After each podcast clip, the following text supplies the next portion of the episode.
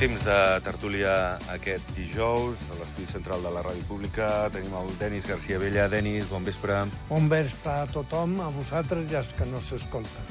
I també l'Eric Bartolomé, el qui recuperem després de- d'haver estat eh, molt amunt políticament fins fa uns mesos, no podia venir, eh, abans també l'agenda plena, en fi, que era un drama poder quedar amb l'Eric, però el recuperem. Eric, bon vespre. Bona tarda i encantat de tornar a estar aquí.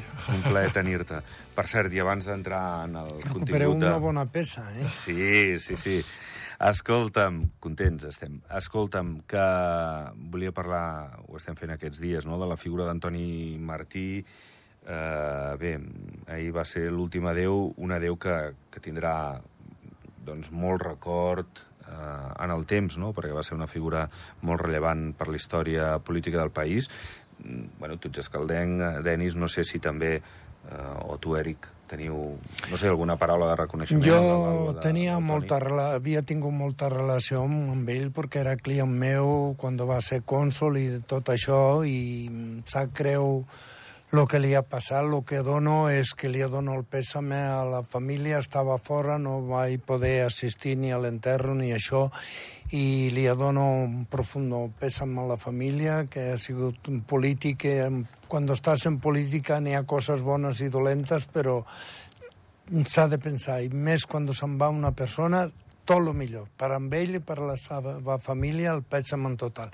I també em volia fer que avui també ha passat un altre amic meu, el Vitriu, que ha sigut cap de la policia, jo he tingut molta relació amb ell també, pèsam en total a la seva família i, i salut li desitjo als fills i a la dona i tota la família i endavant. I a les dues famílies de tot cor per a les dues famílies. 70 anys, Lluís Batriu, 60, Antoni Martí. Uh, Eric, Bé, Toni Martí jo crec que és una figura que, que va molt més enllà del que puguem ara mateix imaginar. Passarà a la història, evidentment, eh, la, la, la, el seu impacte, la seva empremta política ha sigut, jo crec, determinant en aquest país amb les uh, discrepàncies polítiques o no, però crec que això no és el moment en absolut d'entrar-hi. Eh, és una, una figura capdalt i que, com, com dic, que passarà, passarà a la història. Jo tinc alguna anècdota personal fins i tot amb ell, perquè amb els crios que són de la mateixa edat i coincidien amb infantil i amb cadet al Bàsquet Club Andorra, veiem els partits a peu de pista, amb una cantonada, i jo amb la cadireta, i bueno, després explica'm això i comentàvem la jugada, i bueno, vivia, fins i tot allò ja ho vivíem de forma tan passional com, com ha viscut sempre ell, no? I, i bé, la veritat és que ho, ho, ha, ho ha portat com, com ell ha cregut que s'havia de fer, no? La, la, la política doncs, la portava a les, a les venes i, insisteixo, passarà a la història d'Andorra, evidentment. I ha patit molt l'Antonio Martí, eh? Després de la política ha sigut un home que ha patit molt. Jo tinc un maco record d'ell que m'ha regalat una pilota que tenia del Barça, ell firmada i tot això, i diu, com tu eres tan culer perquè la desfrutes tu i jo la tinc a casa i tot. Vull dir, també part d'això. no, però és ell... que era molt proper, Sí, tothom, era- tothom sí, sí. Eh, sempre ha destacat doncs hi haurà polítics a lo millor que, que estan un palet més lluny del, del poble en, aquesta, eh, en aquest contacte. Ell ja a Escaldes ja... Bueno, és que va arrasar la segona vegada, la, la primera va guanyar bé, però sempre ha tingut, i quan, quan s'uneixen diferents mentalitats polítiques i creen DA també va, va ser una victòria molt, molt clara, perquè tenia aquesta proximitat, de, aquesta capacitat de convèncer, no? Eh, aquesta manera de ser, que, que era bueno, una persona del carrer, no? Sí, és un dels... Són, Era de són peu. Dons, Sí, són era dons de innats. peu. Era un polític de aquesta peu. proximitat que, que es dona, que, que es, no es, pot es pot treballar parcialment, però la tens o no la tens, i la tenia a la, la seva... A la seva Bueno, els polítics d'Escaldes, quan repeteixen, sempre arrasen, Sí, eh? no? Que vigilen els demés polítics d'Andorra que vagin també, amb sí, sí. cuidau quan d'Escaldes, eh? Sí, sí, sí, Perquè sí. les segones parts les guanyen sempre. Bé, la majoria absoluta es pot, L'actual sí. cap de govern va dir el dia abans, diu, com sortiré jo? Dic, tranquil, critiquen tant per això, doncs pues arrasaràs i patapant. Doncs va, deixem dissortadament de parlar d'això, eh, però seguim parlant de política, Eric, perquè aquesta tarda liberals heu fet una roda de premsa en la qual confirmàveu que no sereu en aquestes comunals del 17 de desembre. No hi sereu ni sols, ni en cap plataforma, ni en cap coalició, no?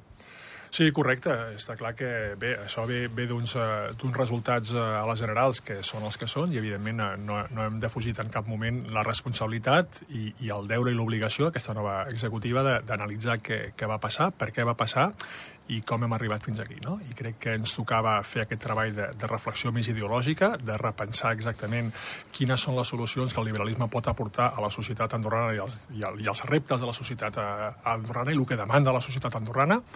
Això creiem que s'havia perdut amb l'última fase i amb un govern de, de coalició on vam quedar una mica diluïts i enteníem que, que s'havia de fer aquest, aquesta introspecció.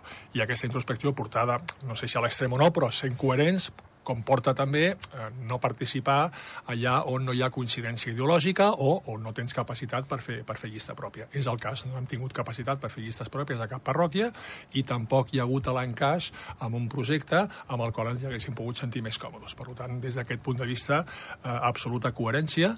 Eh, és cert que mm, parlar de coherència política a vegades pues, pues costa, jo crec que ens tocava fer aquest, aquest exercici eh, i el que hem estat veient i que veurem demà definitivament amb, amb les llistes que apareguin és que eh, hagués estat difícil fins i tot pues, escolta, estar amb segons qui amb segons a on i després no estar amb, amb segons qui a segons a on. No? I aquesta, aquesta incongruència la volíem evitar de totes totes i assumir plenament el que ens toca ara, que és, és aquest exercici de reflexió i de, de continuar treballant internament pel partit per, amb els propers comicis, sigui, sigui siguin quan siguin, eh, aportar solucions des del liberalisme als problemes i als grandíssims reptes que té la societat andorrana actualment. Uh -huh.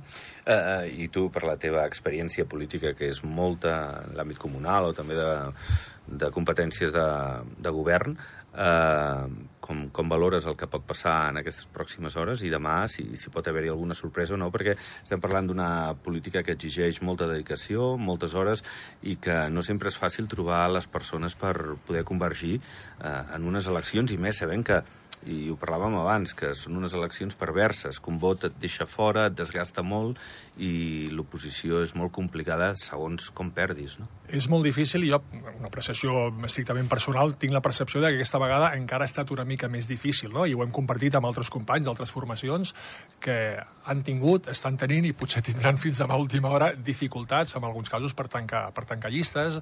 A la gent li costa posicionar-se, li costa implicar-se, li costa tot el que implica la política política, no? que és eh, de la victòria a la derrota doncs, hi ha un vot en, aquest, en el cas de les comunals, i això doncs, s'ha de saber gestionar, s'ha de ser valent, s'ha de tenir les idees clares i s'ha de tenir doncs, aquesta vocació de, de, de dedicar moltes hores i de sacrificar moltes coses per la política. I no és evident, i tot i que hi han reptes, com deia abans, molt, molt interessants del punt de vista de, de, de país, bueno, doncs tot i així costa que la gent s'impliqui, no? I la veritat és, és que, bé, a veure, a veure què passa, a veure quantes, fin, quantes llistes hi han finalment. Um, sembla ser que hi ha un panorama de dues llistes amb algunes parròquies, això també obre pues, un escenari també una mica, una mica diferent, a veure tot això com, com es gestiona i com, com ho viu finalment al votant, i el dia 17 de desembre pues, sortirem de dubtes. Denis, tu què, què dius? Perquè tu t'agrada molt la política, però mai has volgut no, no, eh, entrar-hi, no? Sí, sí, ja m'han oferit, però ja, jo ja, política... Consta, sí. I al fill jo li he dit, quan teníem el restaurant, dic, tu no posis peu a la política mentre tinguem aquí a les portes obertes, eh? No, no, I res. tots són benvinguts al negoci, ah, siguin d'un lloc o de l'altre, uh, Escolta, no? jo el que puc dir és que jo a vegades havia tingut, després dels debates que feien això, quatre partits un en una sala, dos en una altra sala tallats pel mig, un altre en una altra sala, repartia Allò, tot. Allò, cuina, juntos, però no revueltos. I no, no se'ls barallàvem mai, eh? La, la política...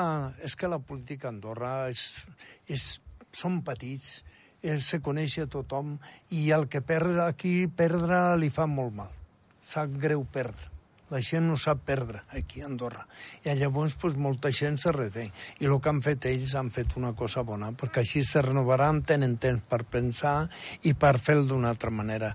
Jo crec que mm, és bo. I la sorpresa l'hem tingut perquè ara també pot sortir una altra sorpresa perquè el que ha passat a les últimes generals no se l'esperava ningú, el del cap de govern sortir una majoria desplomada així d'aquesta manera. Això no se l'esperava ningú i ha sortit. Verem, ara verem. Però la política és veritat que necessites hora i també és un país que desgasta molt perquè li has de dedicar moltes hores. I te troben al carrer no te deixen viure perquè te coneix aquest a l'altre i quan necessita una cosa te para al carrer. Escolta, m'has de fotre un cop de mà, que eh, aquesta porta no tanca. Eh, L'hem de fer tancar, això... Eh, és complicat. És, no és fàcil la política a Andorra. Pensem que sí, que està molt bé i que criticar i no és així. I ara, pues, al govern mateix, el que li està passant, que parlàvem, eh, el país també ja empenta molt, ja n'hi ha huelves, eh, manifestacions, tot això, això polític li desgasta. És que la, la situació de l'habitatge, portem anys parlant-ho, uh, i això... el govern, i tu estaves dins, i la teva part de culpa, entenc que limitada, eh, Eric?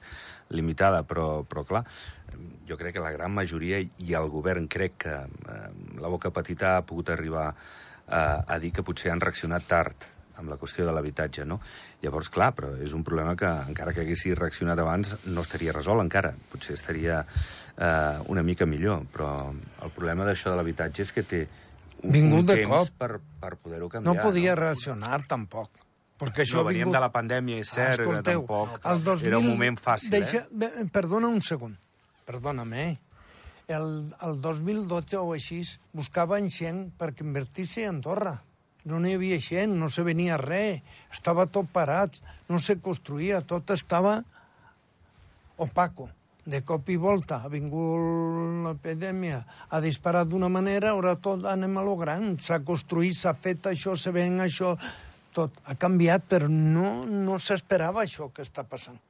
Llavors, no se l'esperaven tampoc que vingués aquesta avalanxa de gent a comprar i a viure i, i tot això. Jo, quan tenia el restaurant, no fa tants anys, jo tenia cinc o sis pisos jugats ja per tindre empleats, perquè ja no trobaven ja en aquell moment. I clar, s'ha disparat la gent que ha vingut i tot això s'ha fet una, una pilota massa grossa i de cop. I clar, tallar l'hora...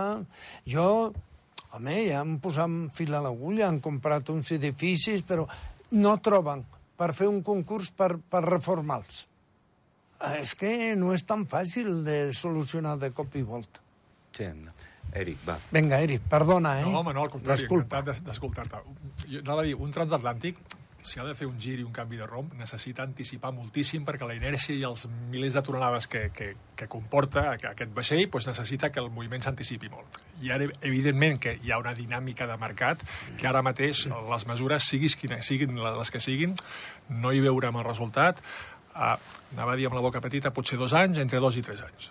Com a la, mínim. La realitat és aquesta. Com a mínim. I aquí estem davant d'un problema d'oferta i demanda i, i multi, multifactorial i, i de molt complexes solucions, almenys, almenys que es decideixi intervenir. I la intervenció de l'Estat, aquí a qualsevol lloc, doncs, òbviament, agilitza tots aquests processos. Llavors l'Estat diu, escolta, això és així perquè ho dic jo, doncs mira, s'ha acabat, tots a creure, qui li agradi bé i qui no també. No és el cas, evidentment no és el cas, vivim en una economia de mercat i, i s'han d'anar a buscar aquests, aquests equilibris, no? I evidentment que fi, aquí hi ha un problema d'oferta. No hi ha prou oferta i hi ha demanda i quan això passa amb les botelles d'aigua, amb els pisos i amb les entrades del Barça. Si és igual, quan entra al Barça s'esgota l'entrada perquè juga a la final de la Champions, el que la ven, pues, la ven al preu que vol perquè no hi ha oferta. I, i, i aquell senyor té un producte que és un bé escàs, i el senyor que té un bé escàs pues, el pot posar, entre cometes, al preu, al preu que vol. Què ha passat? Que Evidentment que el 2012 es comença a, a, a obrir l'economia per diversificar aquesta economia i comencem aquest procés amb la voluntat de, justament, no tenir aquesta dependència dels sectors més tradicionals i, i segurament ja madurs però ningú anticipa en aquell moment que, eh, què pot passar amb aquesta inversió estrangera, on la volem potenciar, on la volem controlar, on la volem limitar. I això és eh, diferents i successius eh, governs que no anticipen no anticipen i no es posa damunt la taula aquest debat. I quan es posa damunt la taula aquest debat? Quan ja és massa tard. Ja. Quan, ja, quan l'agulla ja està a, a, a la zona vermella i quan realment hi ha una tensió. Hi ha una tensió real i és, i és, i és una, una, una qüestió social. I és una qüestió d'emergència nacional. Com és que un jove amb 25 anys ara guanyant un sou mitjanament digne no es pot emancipar. Això és un drama. Això és un drama. Com a país és un drama. Tenim un grandíssim repte aquí davant. Oh, I els Com treballadors no venen perquè no, no hi ha I estem, allotjament. I estem en una roda, i estem en una roda. Clar, i el motor no, no va a 100, No, va no, no se va. regula el motor tampoc. No, no, és un, és un problema Perquè lo greu, que- afecta És un problema a tot greu. el sector, jo crec, de, per, per, de la vida econòmica del país. Per construir una promoció fa falta que algú vengui sol, també. Clar, que això, aquest, també d'aquesta equació també a vegades sembla que, i potser a vegades els que protesten més són els que potser podrien protestar menys, no? Escolti, algú ha venut aquest sol perquè vingui algú a pagar el preu que està, com està, per després fer una promoció. Ah, comencem, comencem des de zero, comencem a l'origen de la cadena, algú, un propietari d'un terreny, ve un terreny arriba un altre i fa una promoció. I aquest senyor fa una promoció i decideix que la venda li, li portarà una plusvàlua molt superior que no pas la rentabilitat que li pot portar un lloguer pues, eh, moderat. Escolti, és molt complex intervenir aquí, és molt complexa. I l'esforç és posar producte al mercat. Hi ha mecanismes, segurament, hi han identificats potser entre 3.000 primer, i després eren 6.000, ara no sabem si són entre 3 i 6.000, però bueno, hi ha una mà de pisos al mercat que estan inocupats. Vale? Després intervenir i dir-li a un senyor propietari escolti, vostè ha de posar aquest pis al mercat perquè, perquè li dic jo, bueno, doncs també s'han d'oferir segurament garanties a aquest propietari perquè pugui o s'atreveixi a s'ho fer salva al ofertes, no? mercat Clar, i per tant, això. és, ostres, per això dic que són molts factors i, i me'n descuido molts. De tota manera, digues, Denis. No, lo que, eh, això, el que diu el company, pues que se necessita un temps. D'aquí a un temps se torna a regular. Perquè, clar, jo també moltes vegades pues, me trobo així al carrer pues, que tenc dos o tres pisos. No es pot pujar de lloguer. El mm, cobra un lloguer pues, molt barat. Les reparacions. Eh, qualsevol cosa que està fent li costa molt cara ara, amb ell i tampoc no és rentable. És rentable perquè tenen dos o tres edificis. Aquest sí que, és rentable perquè mm, foten una caixa descomunant, però no està compensat tot, perquè ha vingut tot, s'ha fet el canvi de cop. I quan les coses se fan tan de pressa, tan de cop, no surten bé. I això és el que passa. De tota manera, considerem, suposo, que el govern està fent el que pot i, Sí. i, i crec que eh, això no ho discuteix ningú, tot i les manifestacions, i que la gent està indignada perquè és complicat arribar a, final de mes i, i estem en un país de lliure mercat, podríem dir, i ha hagut d'intervenir per posar una mica, com a mínim, d'ordre. I no sé si ho està fent bé o no. Jo tinc una certa discrepància perquè entenc que el problema de l'habitatge i el problema del, del, del mercat o del sector immobiliari, dins del sector immobiliari hi ha diferents sectors immobiliaris. I dins un mateix mercat immobiliari, per mi hi ha diferents mercats immobiliaris. I no és la mateixa problemàtica l'habitatge de lloguer a preu assequible que pisos a 10.000 metres, a 10.000 euros al metre quadrat. Parlem de dos mercats diferents, de dos dinàmiques diferents, de dos eh, potencials compradors o potencials afectats diferents, i per tant, aquí eh, la sensació que tinc, la sensació que tinc, i, i és una opinió estrictament personal, és que eh, estem potser no apuntant degudament allà on toca, prenent mesures estrictes per una part d'aquest mercat i no pas per l'altra. A mi que hi hagi una moratòria de la inversió estrangera quan són gent que ve a gastar-se el que segurament molt poca gent es pot gastar a aquest país perquè no és aquest el, el públic eh, objectiu de quan parlem de- d'habitatge de, de lloguer a preu assequible. Bé, em, em sembla que, que no estem afrontant el problema allà, allà on toca, no? Aquests, aquesta gent que per què no poden continuar venint aquí a comprar un pis ostres, si, si parlant de pis de 3 milions d'euros. Aquest no és la problemàtica de, de la gent jove. Que no Això pot seria un, és una per riquesa exemple, pel no? país. I, I crec que és, crec que és Ja. a veure fins a quin punt mosseguem la mà que ens dona de menjar. I ho poso entre cometes, eh? I ho poso entre cometes, perquè la inversió estrangera ha generat riquesa ha generat riquesa. Ens agradi més, ens agradi menys, eh, ens hagués agradat que fos en un altre sector i potser no tant amb aquest, però ha generat riquesa. I a partir d'aquí buscar aquest equilibri no és evident. Està clar que no és, no és fàcil. De tota manera, sí que és veritat que el govern, a la intervenció de, del que són els topalls i depenent del contracte, de l'antiguitat i de més, més l'IPC, sí que aquí intenta protegir el més dèbil, que seria el, el llogater, la persona que té un, un contracte que espera que, que no el llogater, eh, el propietari, no li, no li incrementi el preu d'una manera desorbitada com algú fa. D'aquesta manera estàs donant un any, ara es parla de fins a du, dos anys de, de possible pròrroga, per intentar veure el paisatge si està canviant o no. Si quan han fet els edificis Casadell, en d'haver fet dos edificis o el que han fet allà, ho haguessin fet 20, el problema estaria arreglat. I seria un país meravellós, perquè tindria patrimoni al país i tindria habitatge per, per, per gent que ve i, i pot veure. S'ha d'avançar. Això tenien d'haver fet pensar persones que pensin i que avancin. I per, què, per què no s'ha fet? Ah, ah, perquè l'han parat, perquè han invertit, pues en aquell moment han invertit molts diners perquè a ja fora. venies, no? A fora. Suposo venies, a fora. venent i- A fora. i no han invertit a fora. pues allò ho haguéssim fet, el que jo he dit, no, avui no parlaríem d'això. Sí, perquè els- pisos socials, perdoneu, només... I els, Jovial, país, no? els països que tenen pisos socials són països que sempre van bé. És importantíssim, això. Claro? Però ara No, no sempre són exemples. Els Ara- pisos ara socials estem eh, retro- poden o tenen el risc d'acabar generant guetos i bosses de pobresa, i ho poso entre cometes, no m'agrada en absolut aquest, aquest terme. Eh, És, és complexa, és complexa. No, no, Però no, estem, no és, no, no és no evident. estem en un i país gran per fer-se guetos i això, eh? perquè si fan edificis a aquests pisos que estan aquí als de Casadell no són pas guetos ni d'això, eh? que viu gent d'èlite i, i gent que, que remena diners. Per això dic que és diferent. Si parlem d'un país gran i coses d'aquestes, pot passar per Andorra, jo crec que això, la inversió feta al país de l'Estat, ho hagués sigut importantíssim.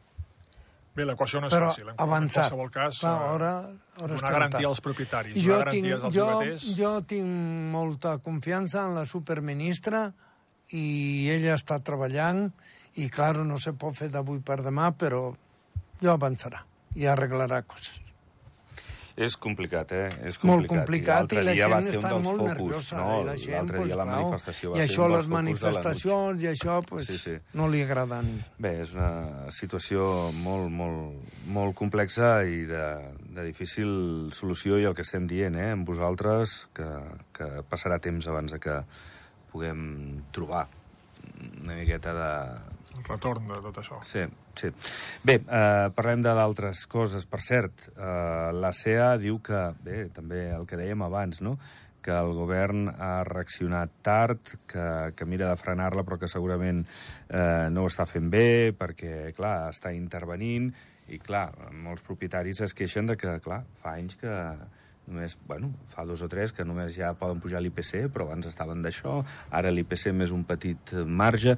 Bueno, en fi, no És que- no és fàcil, no és fàcil. És que això també en tenen raó una persona, el que ten 50 pisos, si no puja no, no importa, però que a lo millor ten dos o tres pisos i viu d'això, pues les reparacions són molt cares, la mà d'obra aquí està desorbitada i, claro, no li surten rentable. És que això també tenia que estar regulat.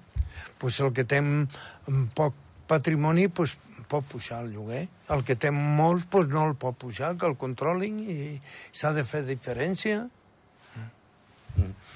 Bueno, eh, ens divertirem a la campanya comunal, Eric? Sí. Parlant d'habitatge o què? Parlant de moltes coses, perquè està clar que hi ha una certa tensió social i a veure això com, Això- com, com es això surt al transfereix carrer. A, a, la, a, la, a, les eleccions comunals, que bueno, no Sí, és ben bé el eh, mateix, però sí, està sí, present. sí. Va. Molt. Doncs ho deixarem perquè ja se'ns fan les 8. Gràcies, Eric. A vosaltres. Fins la pròxima. I tant.